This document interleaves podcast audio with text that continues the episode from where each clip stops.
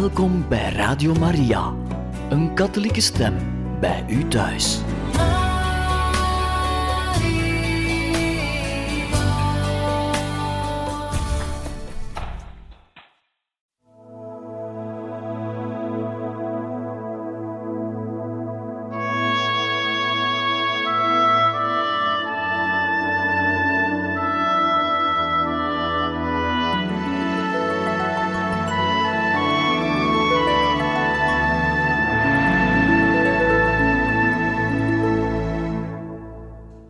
Beste luisteraars van Radio Maria, welkom in het programma Heiligen Getuigen. Wij lezen u verder voor uit het boek We worden geboren om nooit meer te sterven en we lezen daarin het verhaal van Chiara Corbella Petrillo. En we zijn ondertussen gekomen in hoofdstuk 4. Francesco en de draak is de titel. En ondertussen weten we dat Chiara opnieuw zwanger is van een derde kindje, maar ondertussen is er vastgesteld een soort gezwel onder haar tong of aan haar tong en we zijn net, uh, de operatie is net achter de rug. Toen ze weer thuis was, was het nog altijd moeilijk om te communiceren. Chiara leed veel en kon niet praten. De zondag die volgde op de operatie gingen zij en Enrico naar de mis in de parochie van Santa Francesca Romana. Ze liep arm in arm met haar man en hij sprak voor haar door haar gebaren en bedoelingen te interpreteren. Chiara lachte, ook al was het met gesloten mond. Voor de eerste keer leek ze beproefd, in de put. Maar ze sprak zichzelf moed in en ze ging door. Alleen als het voor Francesco is, heeft het allemaal zin, schreef ze nog in haar dagboek. Francesco, die al zo klein en weerloos zo'n grote emoties en angsten heeft moeten doorstaan. Het definitieve resultaat van het histologische onderzoek was bekend. Hierin stond het volgende plaveisselcelcarcinoom, weinig gedifferentieerd, G3. Infiltratie van de tong, ten gevolge van cohesieve massieve invasie.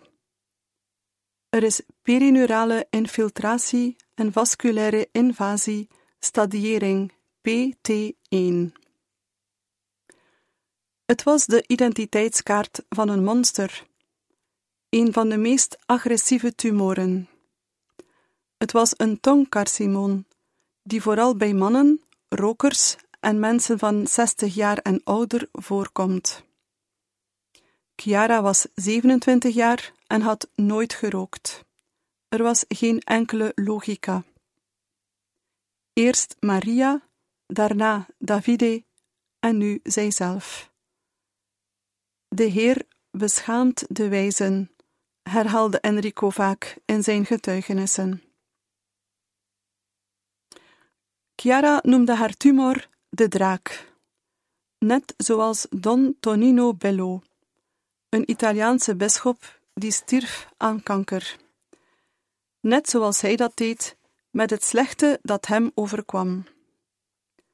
Chiara's laatste gevecht zou het gevecht tegen de draak worden een gevecht dat ze aanging op het moment dat, zoals in een sprookje, de kleine Francesco eindelijk in haar en Enrico's leven binnenkwam als een beloning na een lange worsteling.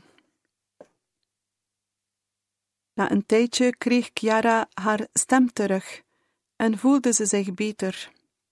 De kleine Francesco groeide en haar buik ook. Op een avond gingen we bij hen eten en Christiana profiteerde van een momentje met Chiara alleen om na lange tijd eindelijk nog eens te kunnen praten. Chiara vertelde haar over de operatie en over hoe bezorgd zij geweest was voor het leven dat ze in haar schoot droeg. Ze was bang dat de anesthesie of iets anders hem kwaad had kunnen doen. Ze vertelde over Daniela, die de rozenkrans die ze haar geschonken hadden in haar handen hield. Ze had herhaaldelijk tegen Daniela gezegd: Lieve vriendin, ik vond het zo erg dat je me zo opengesneden moest zien. Dat zal geen mooi zicht geweest zijn. Zelfs tijdens die gelegenheid hield ze zich met anderen bezig. Ze vertelde dan dat ze op een bepaald moment het kindje niet meer voelde bewegen. Ook tijdens de operatie gingen haar gedachten naar Francesco. Op het einde spraken we over onze huwelijken, de voorbereidingen en de trouwjurken. Chiara zei dat ze op de dag van haar huwelijk het ware geluk gevonden had. Ze had zichzelf helemaal gegeven en het was belangrijk voor haar om samen met Enrico alles wat God dag na dag op hun pad bracht te omhelzen. Hoe beleefde ze haar ziekte? De ziekte vernedert je, gooit je fysiek op de grond. Maar de onderscheiding tijdens onze relatie, de angst om Enrico te verliezen, dat is echt een angst die ik nooit meer heb meegemaakt. Ik zou nooit achteruit willen gaan. De ziekte is veel beter. Het feit dat ze eindelijk één was met Enrico maakte alles leefbaar. Niets kon vergeleken worden met de angst die ze doorstond voor hun huwelijk. Nu was ze blij dat ze voor haar kind alles kon doen wat mogelijk was. Ze wilde hem op de eerste plaats zetten, voor haar eigen noden, en alles doen wat een mama moest doen tijdens de negen maanden zwangerschap, om hem alle kansen te geven om geboren te worden. Dat was wat haar interesseerde. Op dat moment begon ze met een serie artsenbezoeken, naast de maandelijkse controles na haar operatie. Consultaties met specialisten en oncologen om te bekijken wat het beste leek om te doen.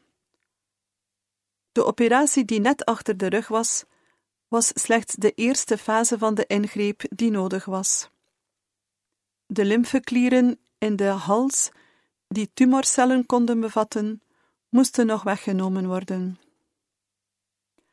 Lachend leefde het stel per dag, met een sereen hart. Onmiddellijk zelfs, nauwelijks een paar uur na de definitieve woorden van de chirurg die haar geopereerd had, nodigde Chiara Daniela uit voor de lunch.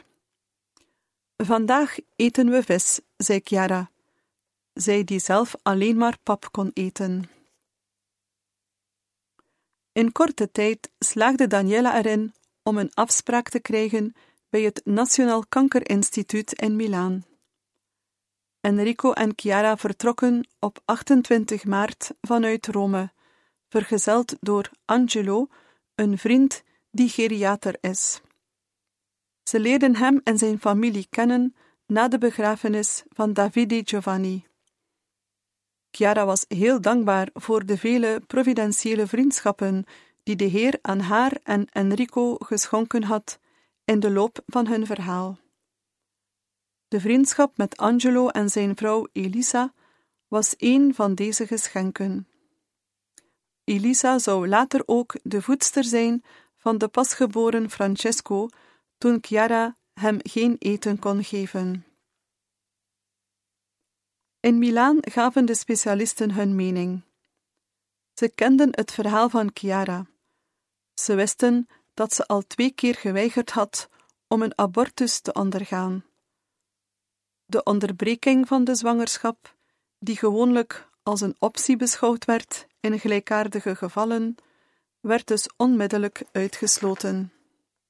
Ze zouden pas na de geboorte van Francesco met de tweede fase van de ingreep kunnen doorgaan. Maar de natuurlijke datum van de geboorte afwachten zou de efficiëntie van de behandeling heel erg in gevaar kunnen brengen. Volgens de artsen was het wenselijk om de bevalling in te leiden en een paar weken te vervroegen, net nadat het kindje zijn pulmonaire maturiteit bereikt had. Het eerste voorstel was optimaal qua behandelingen voor de moeder, maar tegelijk ook het meest agressief voor het kindje. Chiara zou het onderzoek van de wond op haar tong en het verwijderen van de lymfeklieren op de standaardtijd moeten doen, maximaal 45 dagen na de eerste ingreep, dus wanneer de zwangerschap 32 weken zou zijn. Als de kankercellen positief zouden zijn, dan zou de moeder, nadat de bevalling ingeleid werd, aan radiotherapie en chemotherapie worden onderworpen en het pasgeboren kindje de eerste weken van zijn leven in de couveuse moeten doorbrengen. De oncologische chirurg zou zijn werk kunnen afmaken, maar de overlevingskansen van het kindje zouden dalen. Chiare sloot deze mogelijkheid uit.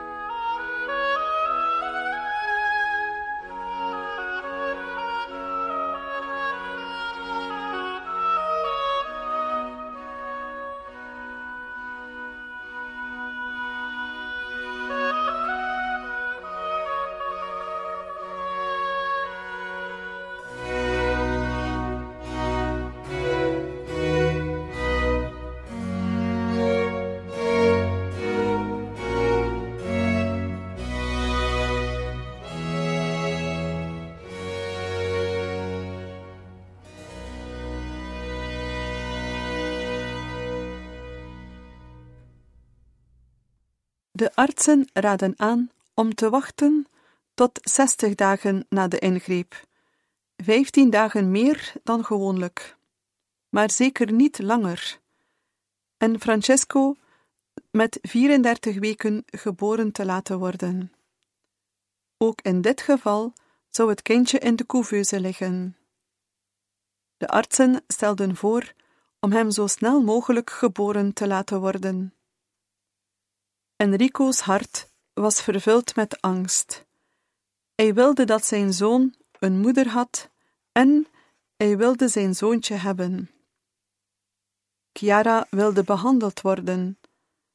Ze had de eerste operatie trouwens volledig met de hulp van lokale anesthesie ondergaan, maar niet ten koste van hem. Ze wilde het tweede deel van de behandelingen proberen uit te stellen om het kindje niet in gevaar te brengen. Na de geboorte van Francesco zou ze elke soort behandeling aanvaarden, zelfs de meest invasieve. Voor het merendeel van de artsen was Francesco enkel een foetus van zeven maanden, schreef Chiara. En diegene die gered moest worden, was ik. Maar ik had geen enkele intentie om het leven van Francesco in gevaar te brengen voor statistieken die helemaal niet zeker waren. Statistieken die me wilden aantonen dat ik mijn zoon prematuur geboren moest laten worden om mij te kunnen opereren. De moeilijke beslissing, ging ze verder, was begrijpen hoe we deze tumor zo snel mogelijk konden bestrijden zonder het leven van Francesco schade toe te brengen. Chiara wilde het leven van Francesco niet op het spel zetten om het hare te redden. Voor haar volstond het niet dat de gevaren voor het kindje verminderd werden. Ze verlangde dat er helemaal geen gevaren waren. Ze wilde er zeker van zijn dat ze hem alles gaf waartoe ze als moeder op dat moment in staat was. Francesco moest gezond geboren worden en op het geschikte moment, anders paste het niet voor haar. Jammer genoeg leken enkele betrokken artsen de ernst van haar zorgen niet te begrijpen en ook haar redenen daarvoor niet te delen. Voor Chiara leek het dat ze enkel haar probeerden te redden, zonder rekening te houden met het feit dat er ook een ander leven op het spel stond. Het irriteerde haar dat sommige specialisten bereid waren om haar zoon in gevaar te brengen. Chiara dacht helemaal niet dat dit schepseltje haar iets ontnam dat aan haar toebehoorde, dat hij gekomen was om haar om te brengen, dat hij haar vijand was. Zij dacht eerder dat zij iets had dat aan Francesco toebehoorde, en ze wilde zeker zijn dat ze het hem tijdens die laatste kostbare weken in haar buik allemaal kon geven.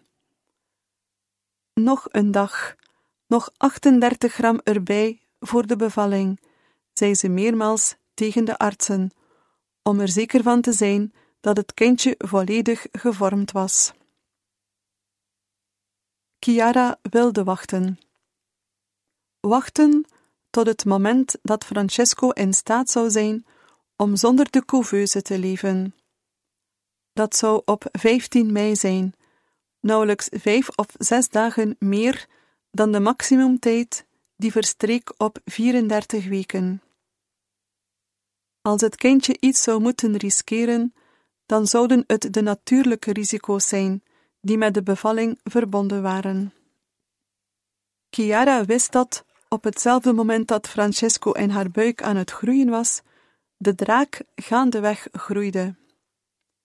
Maar als moeder wilde ze de risico's die over haar baby hingen op zich nemen, hem bevrijden van deze last door die zelf te dragen. Ze wilde zo lang mogelijk wachten, zodat, terwijl de weken optelden, het risico voor hem op nul zou worden gezet. Het was gewoonweg liefde. Dit was wat Chiara wilde doen: gaan tot waar ze kon. Voor haar, niet tegenstaande de beschikbaarheid van de artsen, was het artsenbezoek een ontgoocheling. Haar enige bekommernis was Francesco geven wat hij nodig had. Het mooiste van die dag, zou Chiara later zeggen, was dat ze de Duomo van Milaan had gezien. Ze was geïrriteerd omdat ze de baby een foetus bleven noemen, terwijl zij benadrukte dat hij Francesco heet. Het enige dat ze op dit moment wilde doen, en daar was ze zeker van, was hem laten groeien en hem zo snel mogelijk sterk maken. Ik voelde mij niet rustig. Ik ervaarde een vreselijk gevoel. Ik begreep niet wie er aan mijn kant stond en wie mij probeerde te overtuigen, inclusief Enrico. Ik voelde me als een leeuwin die haar welpje probeerde te verdedigen. Ik voelde een agressiviteit die ik voordien nooit gevoeld had, alsof ik tot alles in staat was om hem te verdedigen. Toen we weer thuis waren, vroeg ik aan Enrico: En jij? Aan welke kant sta jij? Ik verander niet van gedachten. We hadden Chiara nog nooit zo horen praten. Verschrikkelijk, zoals de Heilige Schrift zegt, was die schoonheid en beangstigende kracht. Daarna begreep Chiara dat haar man alleen maar voor haar wilde zorgen. Ook hij was klaar om alles op het spel te zetten. Enrico omschreef zijn moeilijkheid zo. Het is als kiezen tussen je meubels die gestolen worden, of je huis dat afgebroken wordt. Voor de eerste keer was het geen kindje, maar een van hen die zou kunnen sterven. Vanaf dat moment voerde Chiara, geholpen door de gebeurtenissen en de personen die haar bijstonden, een speciale strategie uit. Ze begon te luisteren naar de raad van de artsen, die de noden van Francesco hoog achten. Net als Jezus tijdens het proces dat aan zijn lijdensweg voorafging, waarbij het Sanhedrin, Herodes en Pilatus betrokken waren, leek ook zij de gebeurtenissen te ondergaan. Maar in werkelijkheid leidde ze de gebeurtenissen. Chiara begon maandelijks klinische controles te doen voor de lymfeklieren in haar hals en het letsel op haar tong. Toen vastgesteld werd dat er op de echografieën eind maart geen sporen waren van het letsel, bereikte ze na enkele onderhandelingen een akkoord met de geconsulteerde specialisten. Een beetje langer wachten dan voorzien, zodat het voor Francesco mogelijk werd om tot aan de 35ste of 36ste week te komen. Deze beslissing bezorgde mij veel stress. Ik wilde mijn zoon helemaal niet in de couveuse achterlaten, zonder dat ik naar hem toe kon gaan, omdat ik op een andere afdeling vast zou zitten voor de operatie. Maar Daniela stelde mij gerust. Ze zei dat ze alles zou doen om hem naar mijn kamer te brengen, en dat voor veel baby's in de 35ste week de couveuse niet eens nodig was. Uiteindelijk aanvaarde Chiara het. Ze ging verder met de artsen bezoeken en in de tussentijd bad ze. Ze bad om God te danken voor deze laatste twee weken die het Francesco mogelijk maakte om zich verder in haar buik te vormen. Ze bad opdat in deze periode de wil van de Vader mocht geschieden, waarin elke dag voor haar en Francesco een overwinning betekende. Ze bad opdat het haar op een of andere manier zou lukken om het nog een paar dagen te rekken en de ingreep uit te stellen voor Francesco's bestwil. Toen pater Vito over die periode vertelde, zei hij terecht dat Chiara niet gestorven is door Francesco. Ze heeft haar leven gegeven voor Francesco.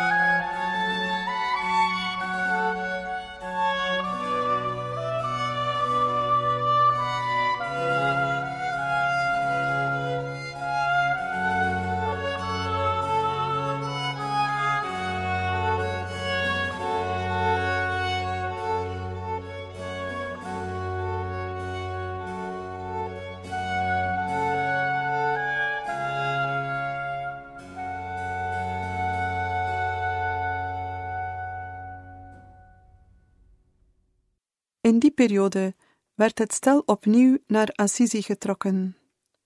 Ze wilden God danken voor de manier waarop hij hen aan het leiden was.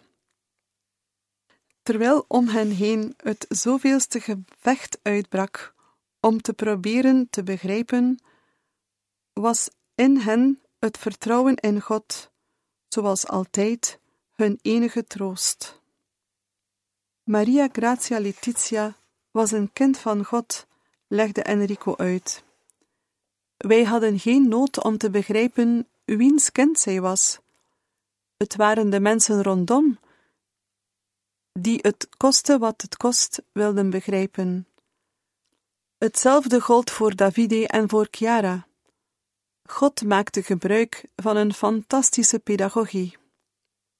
Ja, dat was zo, ging Enrico verder, omdat God voor zijn kinderen en voor zijn vrouw pathologieën had gekozen die niets met elkaar te maken hadden. Ze waren zeldzaam en onafhankelijk van elkaar.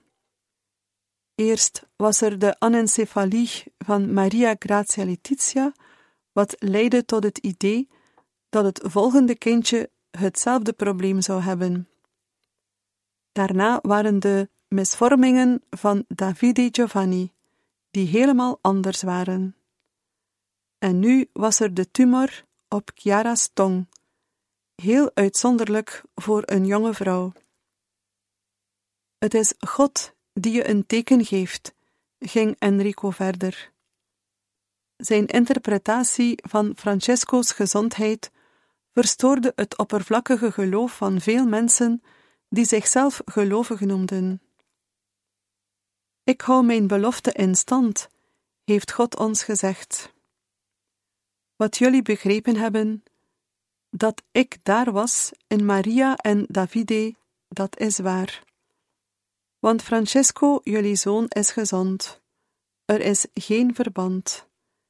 Ik ben het, die Maria Grazia Letizia zo geschapen heb. Ik heb Davide Giovanni zo geschapen, en ook Francesco zoals hij is. En ik heb ook Chiara's tumor zo geschapen. Ja, ik heb het gedaan. Wij waren niet boos op God, omdat we wisten dat Hij overal achter zat. En beseffen dat God achter alles zit, is iets prachtigs.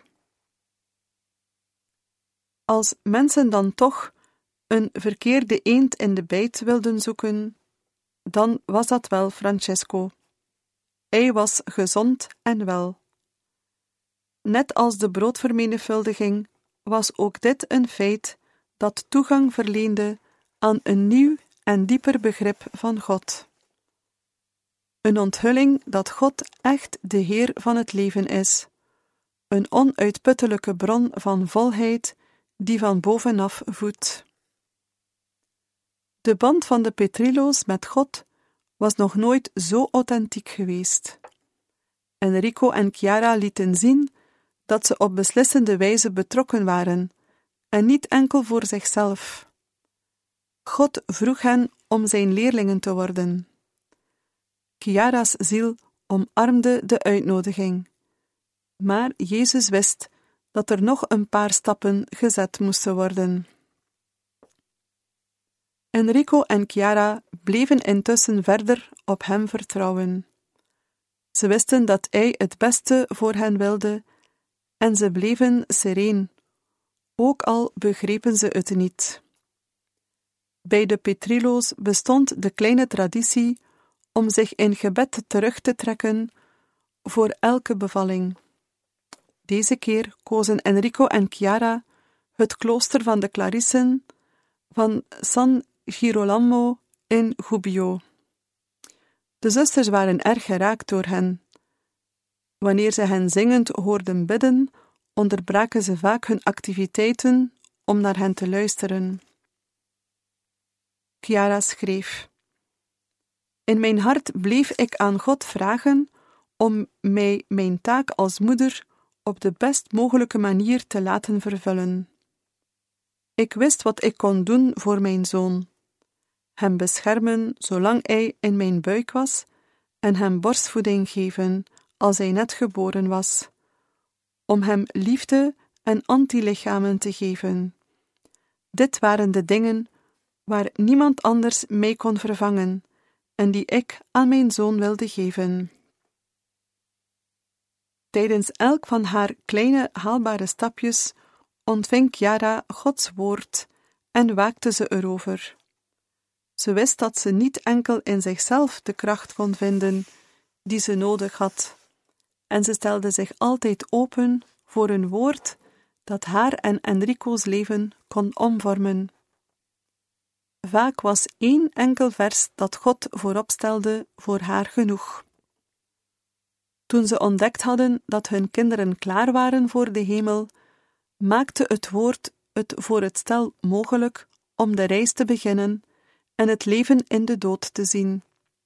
Ze vertrouwden zich helemaal toe. Eén enkel woord, zoals dat van de aartsengel Gabriel aan Maria. Chiara schreef in haar notities wat de Heer hun tijdens de zwangerschap van Francesco zei. Deze keer waren het twee passages, maar deze twee vertelde episodes kwamen sterk met elkaar overeen. Het eerste was het Joodse loofhuttenfeest. Toen het volk aankwam in het beloofde land, vroeg God hun om hun afkomst in herinnering te houden, om goed in hun gedachten en in hun hart te bewaren dat alles hun geschonken was en dat hun vaderland de hemel was. Chiara schreef: De Heer wil niet dat wij ons zettelen. De andere episode was het Bijbelverhaal van de Emmaüshangers, die na de verrijzenis Jezus herkenden bij het breken van het brood. Eerst hadden we hem niet herkend in de tumor, schreef Chiara nog. De datum van de bevalling werd uitgesteld van 15 naar 23 mei en werd nog eens vertraagd dankzij een providentieel congres waarvoor de chirurg, die de ingreep zou doen, had toegezegd. Tot Chiara's vreugde werd alles nog een week verschoven. Haar gebed werd verhoord. Ze wachtte zo lang als ze kon om Francesco te verdedigen. Misschien is het feit dat ik Francesco vandaag heb te danken aan haar keuze. Niemand kan mij verzekeren dat onze zoon er geweest zou zijn als we een andere keuze hadden gemaakt, reflecteerde Enrico. In die periode sprak Chiara enkel over het kindje. Ze vertroetelde hem door over haar buik te aaien. Op een avond die we samen doorbrachten, nam Chiara Christiana apart. Ze zei haar dat ze graag een herinnering wilde aan hun verhaal aan de hand van een geschreven en getekend sprookje voor Francesco. Ze wilde dat zijn broertje en zusje na zijn geboorte niet werden vergeten. Hij heeft deze twee grote geschenken aan zijn zijde, en ik wil dat hij hen goed kent. En wie zou dit beter kunnen vertellen dan jij en Simone? Ook deze keer wilde ze niet zelf beslissen over de geboortedag van het kleintje. We maakten grapjes over het feit dat het haar en Enrico niet lukte om iets voor hem te kopen. Het lukte hen zelfs niet om zich in te beelden dat het kindje deze keer bij hen zou blijven. Enrico zei lachend: Wacht, Kia, laten we die tien euro niet verspillen. Ze brachten ons altijd aan het lachen. Ze waren zo gelukkig dat ze het niet konden geloven. Francesco kreeg heel veel babykleertjes cadeau, en tijdens de dagen die aan de bevalling voorafgingen, was Chiara heel blij. De kleertjes één voor één opvouwen was een tijdverdrijf dat de indruk wekte dat ze zich beter op de gebeurtenis kon voorbereiden. In de tussentijd voltooide Enrico intensieve arbeid in huis om het kleintje te verwelkomen. Beste luisteraars van Radio Maria, voor vandaag beëindigen we hier het voorlezen uit het boek Wij worden geboren om nooit meer te sterven, het verhaal van Chiara Corbella Petrillo. Wij danken u heel hartelijk voor het luisteren en graag tot een volgende keer.